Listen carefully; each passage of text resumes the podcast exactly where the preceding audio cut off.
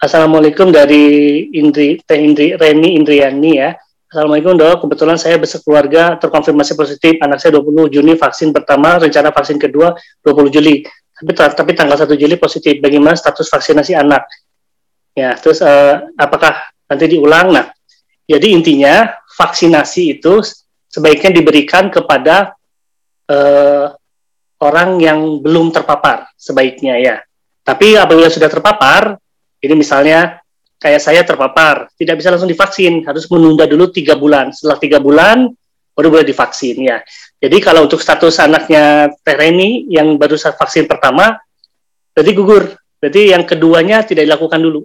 Ya, nanti saja tiga bulan lagi diulang dari pertama, yang satu dan yang kedua, gitu ya.